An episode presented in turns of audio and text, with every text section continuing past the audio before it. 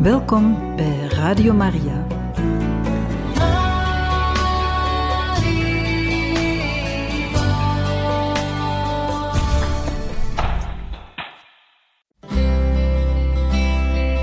Welkom bij Boekat, een programma van Radio Maria.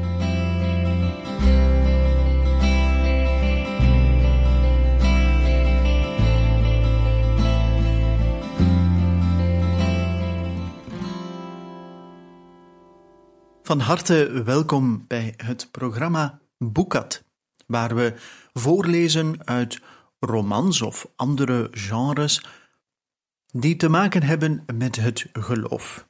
Of met een thema dat ergens te maken heeft met ons geloof. En vandaag gaan we lachen, jawel. Want lachen en vreugde is eigen aan het christelijke leven. Dat gaan wij samen ontdekken in deze komende afleveringen. Hoofdstuk 6 Zelf ervaren en ontdekken. Een student vraagt aan een Jezuïet, aan zijn leerkracht, tijdens de les: Meester, is het waar dat een Jezuïet een vraag altijd met een vraag beantwoordt? Waarop de leerkracht, Jezuïet, de jongeman aankijkt en zegt: Hoe bedoelt ge? Wie voor een klas gestaan heeft, weet het. Het is een van de basisregels geworden van de psychotherapie. Het menselijke leren en groeien kan er niet omheen. Aandachtige ouders beseffen het maar al te goed. De heilige Ignatius van Loyola, geboren pedagoog, paste het reeds toe in de 16e eeuw. Wat je zelf leert, wat je zelf ontdekt, wat je zelf kunt verwoorden of uitdrukken, of hoe moeizaam of onhandig ook zelf kunt realiseren, dat alles heeft een diepere veel diepere impact dan wat je op een gouden schaaltje piekfijn afgewerkt wordt aangeboden door een ander, al blinkt of klinkt het nog zo mooi. Tijdens hun lange en brede vorming kunnen Jezuïeten veel kennis verwerven. En dat is een kracht. Maar er schuilt ook een gevaar in. Er is weinig verdienste aan een ander, jong of oud, te overklassen. Om niet te zeggen plat te drukken met wat je weet of wat je kunt. Jezelf in het zonnetje van de aandacht plaatsen brengt weinig duurzame zoden aan de dijk.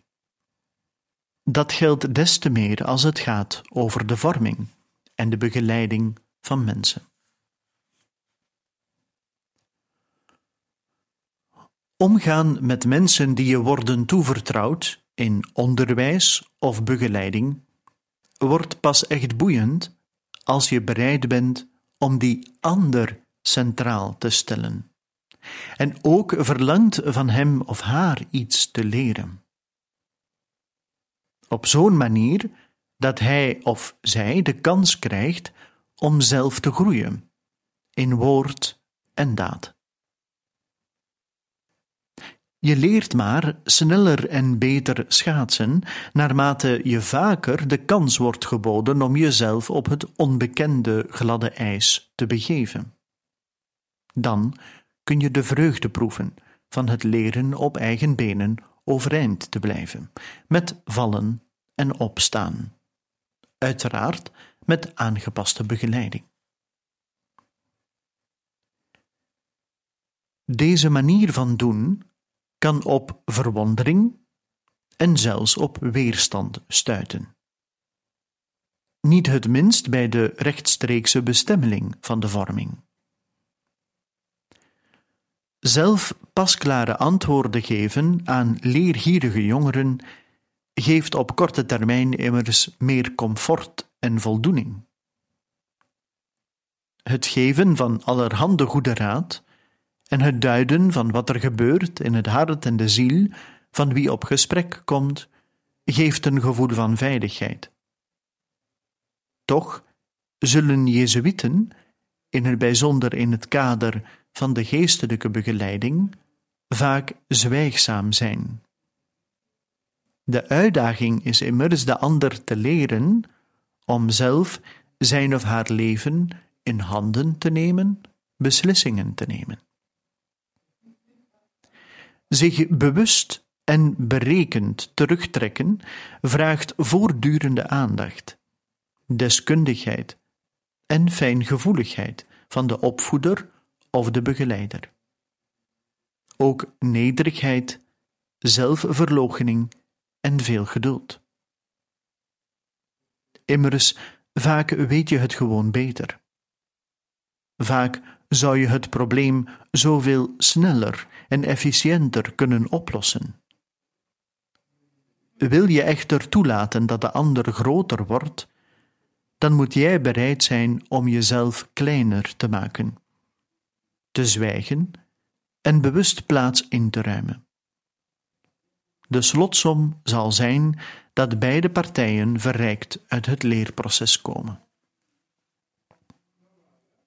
Anders uitgedrukt, in de Ignatiaanse traditie zijn onderwijs en begeleiding niet in de eerste plaats overdracht van kennis, ook al is die belangrijk.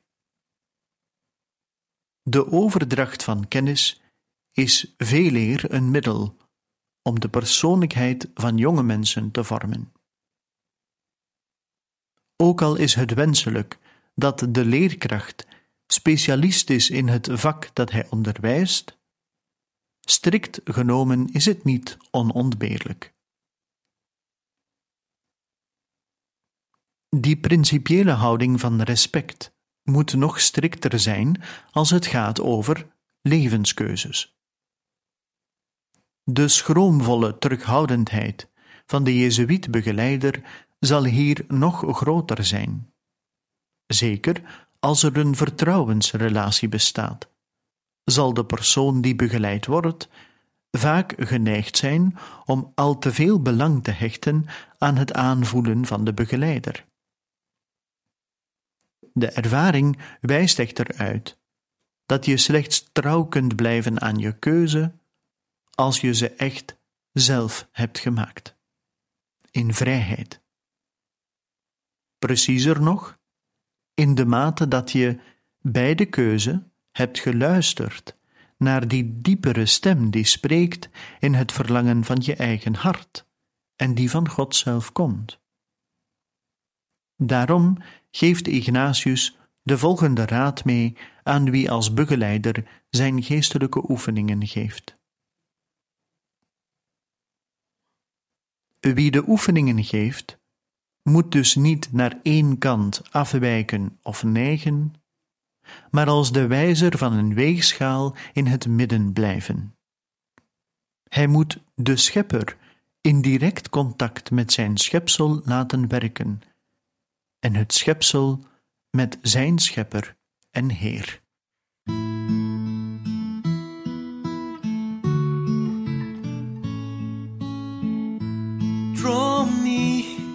To your presence, oh Lord.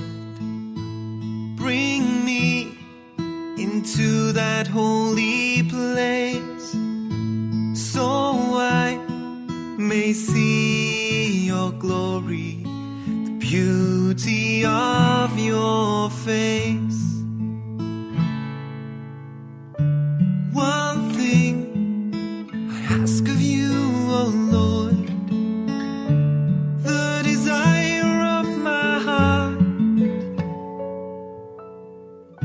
That I may dwell in your presence, oh Lord,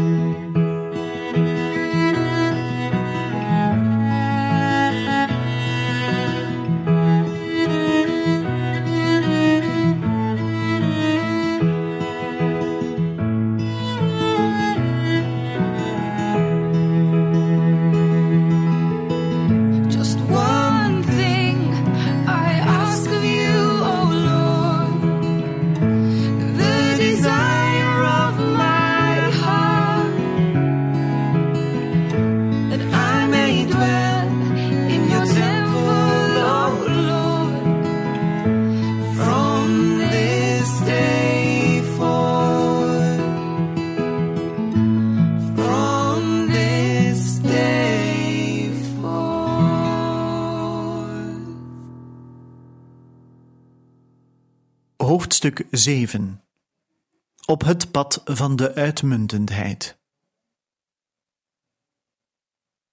Een Jezuïet, een Dominicaan en een Franciscaan. Die zijn samen op wandel, ze zijn met elkaar aan het praten, en al snel gaat het gesprek in de richting van hun eigen ordes, wat ze zoal hebben gedaan, en de ene is een beetje aan het opscheppen tegenover de andere, van al die grote dingen die die ordes allemaal hebben gedaan in de loop van de tijd. Een gesprek tussen drie religieuzen. Ineens verschijnt aan hen de heilige familie. Jezus in een kribbetje en Maria en Jozef die aan het bidden zijn bij de kribbe. Onmiddellijk valt de Franciscaan op zijn knieën, met zijn gezicht tegen de grond, overmand door ontzag, bij het zien van God die geboren wordt in zo'n armoede. En die armoede doet hem natuurlijk denken aan de heilige Franciscus van Assisi. En hij is verwonderd over wat hij ziet, en hij drukt het ook uit in zijn lichaam. Ook de Dominicaan valt onmiddellijk op zijn knieën, in aanbidding voor deze prachtige voorstelling van de drie-eenheid en de heilige familie, denkend aan wat de heilige Dominicus daarover heeft gezegd.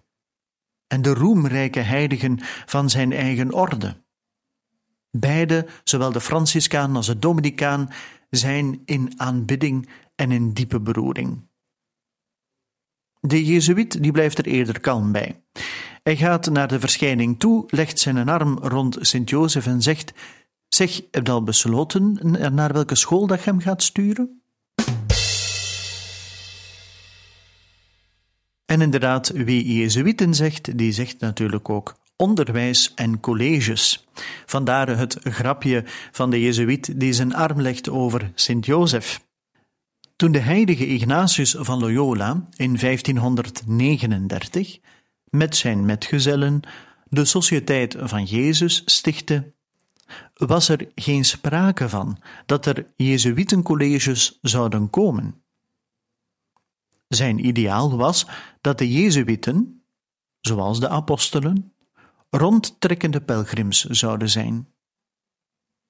En dat is moeilijk te combineren met het bijna per definitie sedentaire leven van een leraar. Toch waren er bij zijn dood in 1556 reeds een vijftigtal scholen. En ook toen al veranderden de tijden snel. Momenteel zijn wereldwijd een kleine 4000 onderwijsinstellingen verbonden met de Sociëteit van Jezus. Jezuïeten hebben iets met opvoeding en vorming. Ook hier is de sleutel te vinden in hun spiritualiteit. Meer in het bijzonder in de geestelijke oefeningen van Ignatius. Geestelijke oefeningen doe je immers beter niet op je eentje. Een vorm van begeleiding is aangewezen.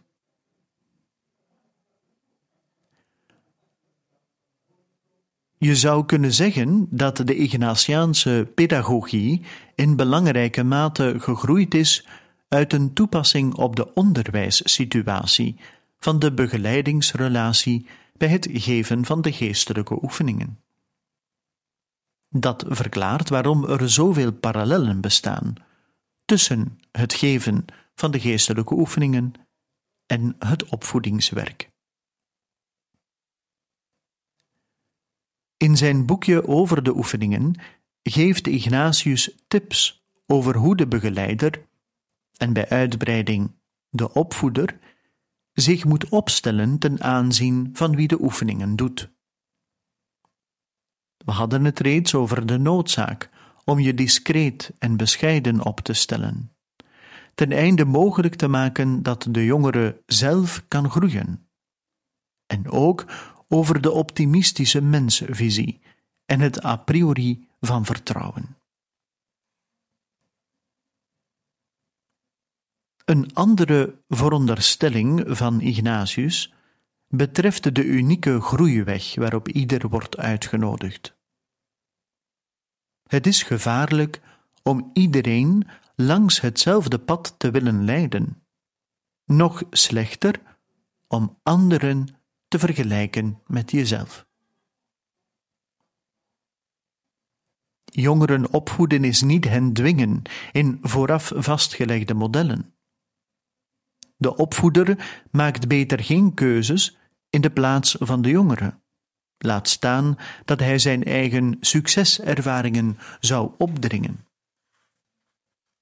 De goede opvoeder begeleidt en reikt de ander de middelen aan om zelf zijn of haar roeping in het leven op het spoor te komen. De weg van het diepste verlangen dat God legt in het hart van elke mens.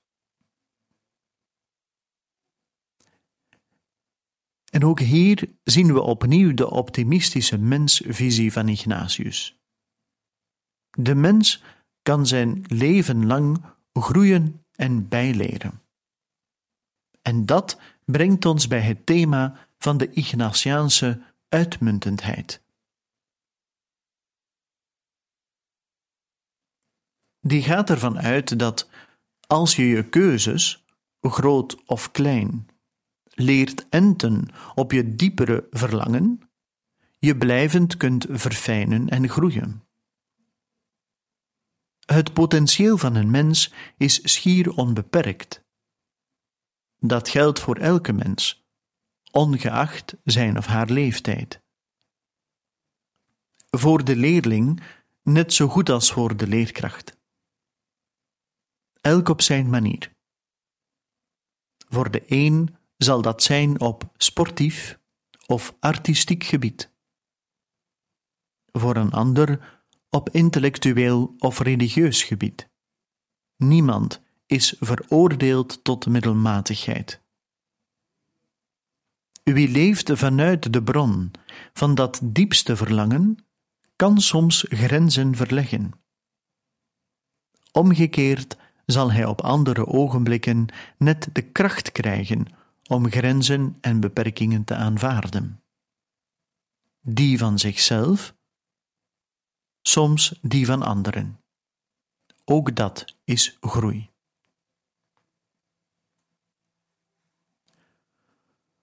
Authentieke uitmuntendheid bestaat erin voorbij de grens van de eigen persoon te gaan en verantwoordelijkheid op te nemen voor de ander. Pater Pedro Arupe, voormalig algemeen overste van de Jezuïeten, noemde dat jongeren opvoeden tot mensen voor anderen. Ignatiaanse uitmuntendheid gaat dus niet over anderen de loef afsteken.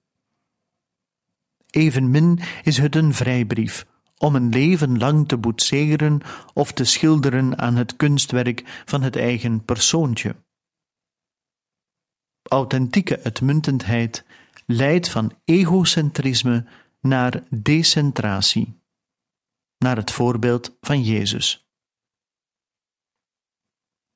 Uitmunten, zoals Ignatius het verstond, wordt maar ten volle bevrijdend wanneer het vertrekt van liefde.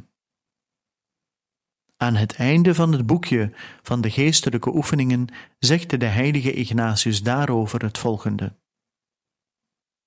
Liefde moet zich meer uiten in daden dan in woorden. De liefde bestaat in wederzijdse mededeling.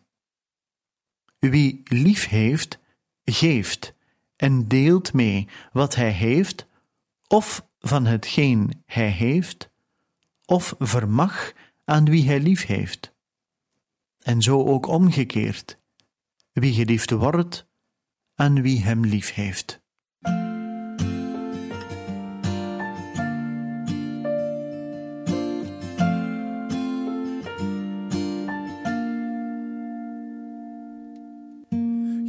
Maar om je heen te kijken. Om te zien dat het leven breekbaar is. En als het dan breekt, dan lijkt het alsof er vaste grond onder je voeten mist. Je komt van alles tegen, ook dat wat je niet verwacht. Je wordt beproefd, gezegend, blauwe lucht, donkere nacht. Maar ik geloof één ding zeker: het is de liefde die op ons wacht.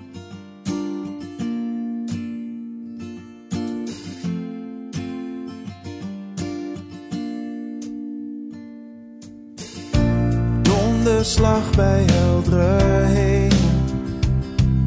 Dat wat zeker leek, lijkt nu niet sterk genoeg.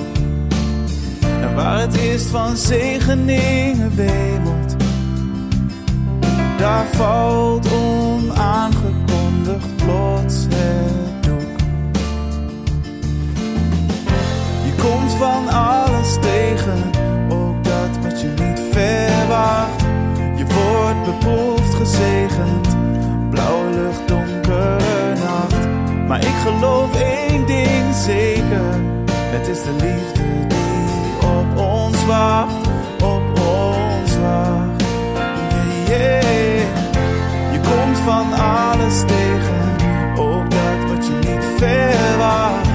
Je wordt beproefd, gezegend,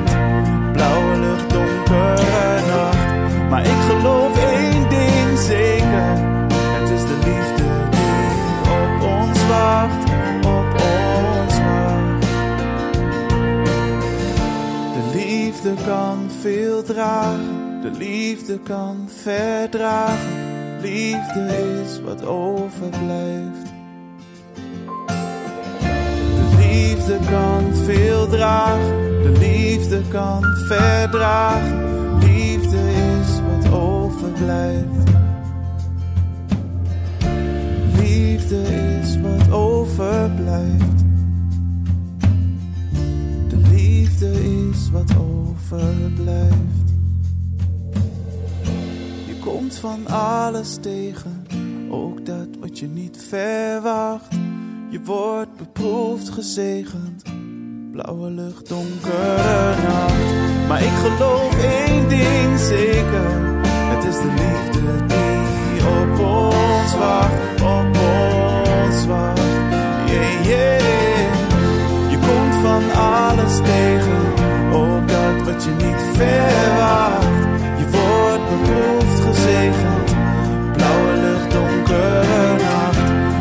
Geloof één ding zeker, het is de liefde die op ons wacht.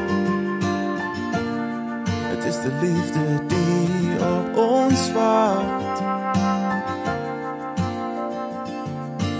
Eén ding weet ik zeker.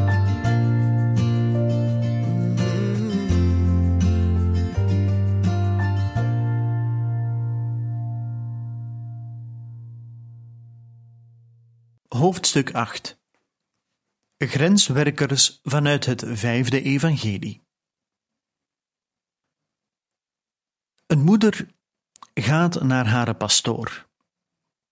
En in het gesprek laat ze op een bepaald moment vallen dat haar zoon priester wilde worden. En ze vroeg aan de pastoor: Ja, wat moet hij daar nu eigenlijk voor doen om priester te worden? En de pastoor antwoordde: Wel, ehm, ja, als hij, als hij diocesaan priester wil worden, ja, dan zal hem acht jaar moeten studeren. Acht jaar studie. Wilt hij Franciscaan worden, dan is hem vertrokken voor tien jaar.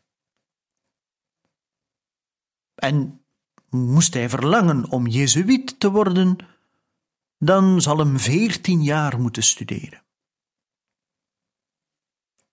De moeder die luistert aandachtig naar wat de pastoor allemaal vertelt, en op het moment dat hij klaar is met zijn uitleg, beginnen haar ogen te glinsteren. En ze zegt: Oh, weet je wat, meneer pastoor, meld hem maar aan voor dat laatste. Laat hem maar Jezuïet worden, want hij is een beetje aan de trage kant. En het grapje dat we daarnet hoorden insinueert natuurlijk de lange tijd die Jezuïeten erover doen om te studeren en om uiteindelijk, ja, zeg maar, hun geloften af te leggen. Jezuïeten staan ervoor bekend dat ze een lange vorming krijgen. Naast de gebruikelijke filosofie- en theologische studies, dat is gebruikelijk voor de priesterstudies, doen velen ook profane studies. En ook zijn er tijdens de vormingsjaren praktijkstages en uiteenlopende werkdomeinen. Jezuïeten werken graag in het hart van de kerk. Maar vaker nog aan de grens van de kerk. Op plaatsen waar je niet meteen religieuzen zou verwachten. Exacte wetenschappen, kunst, media dialoog met andersdenkenden of andersgelovigen. Daarvoor kan natuurlijk gespecialiseerde kennis nodig zijn. Wil je immers door je collega-wetenschappers en andere gesprekspartners ernstig worden genomen, dan moet je kunnen spreken van gelijke tot gelijke. Geloof is een grote genade en kracht, maar ook het verstand en de kennis zijn gaven die de mens van God ontvangt. Daarom is het goed en zinvol ze te ontwikkelen en te gebruiken volgens de regels van de kunst.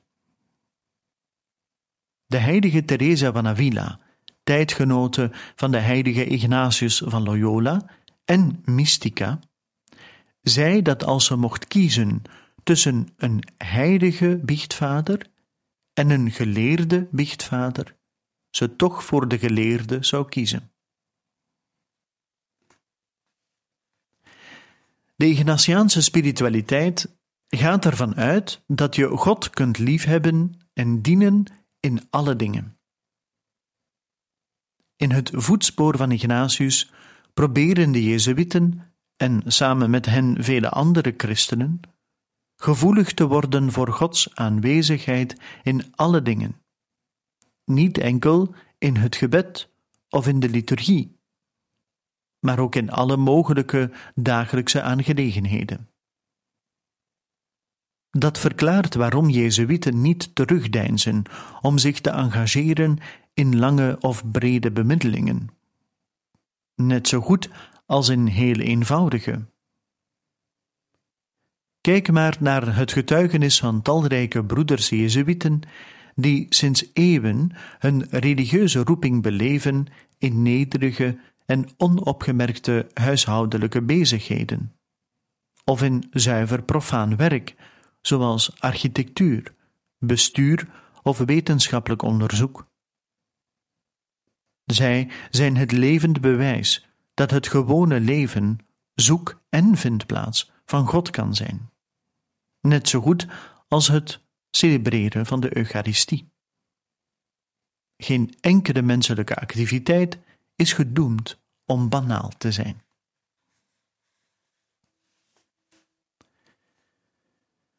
Die wijze van in het leven staan raakt de kern van de spiritualiteit van de Jezuïeten. Zij noemen het met de woorden van pater Jeroen Nadal, Ignatius' rondreizende woordvoerder, contemplatief zijn in de actie. Om je hierin te oefenen, raadt Ignatius het levensgebed aan, ook wel aandachts- of bewustzijnsonderzoek genoemd. Vroeger was die typische Ignatiaanse gebedsvorm beter bekend onder de naam gewetensonderzoek. Het levensgebed is heel eenvoudig. Het is een biddende terugblik op de voorbije dag in drie stappen. Je begint met God te danken. Dank u. Om zijn werkzame aanwezigheid in je leven.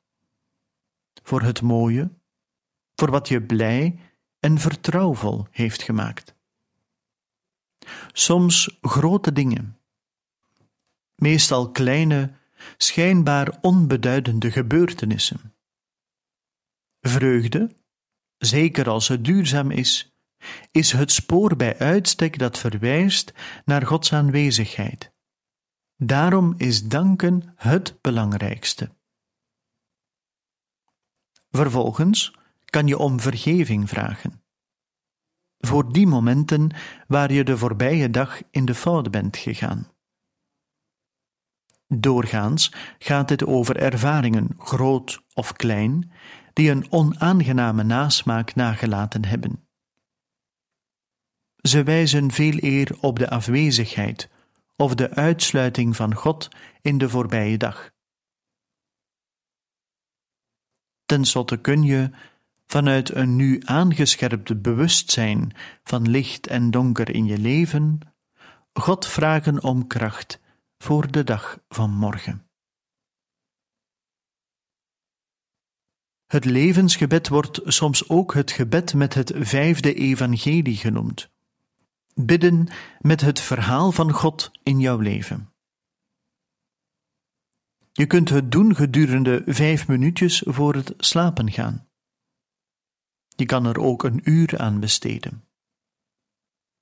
Het kan in de stilte van een kapel, maar net zo goed al wandelend of in de wagen. De vrucht zal steeds zijn dat je bewuster gaat leven want meer in verbondenheid met God.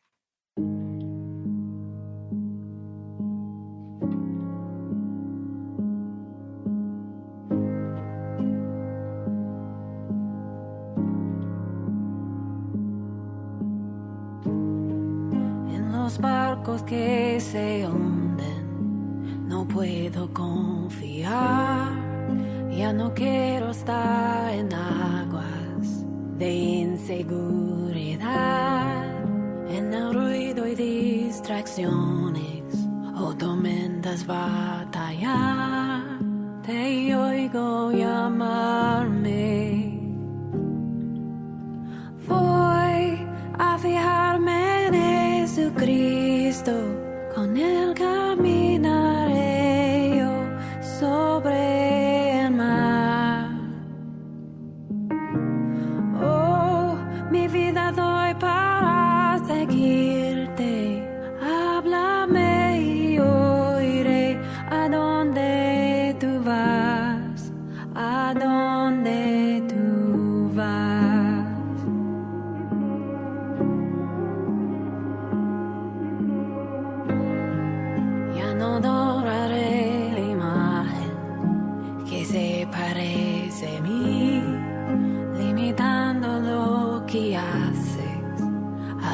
que puedo ver. Perdóname, restaura el misterio en mí. Te escucho llamarme, llamarme.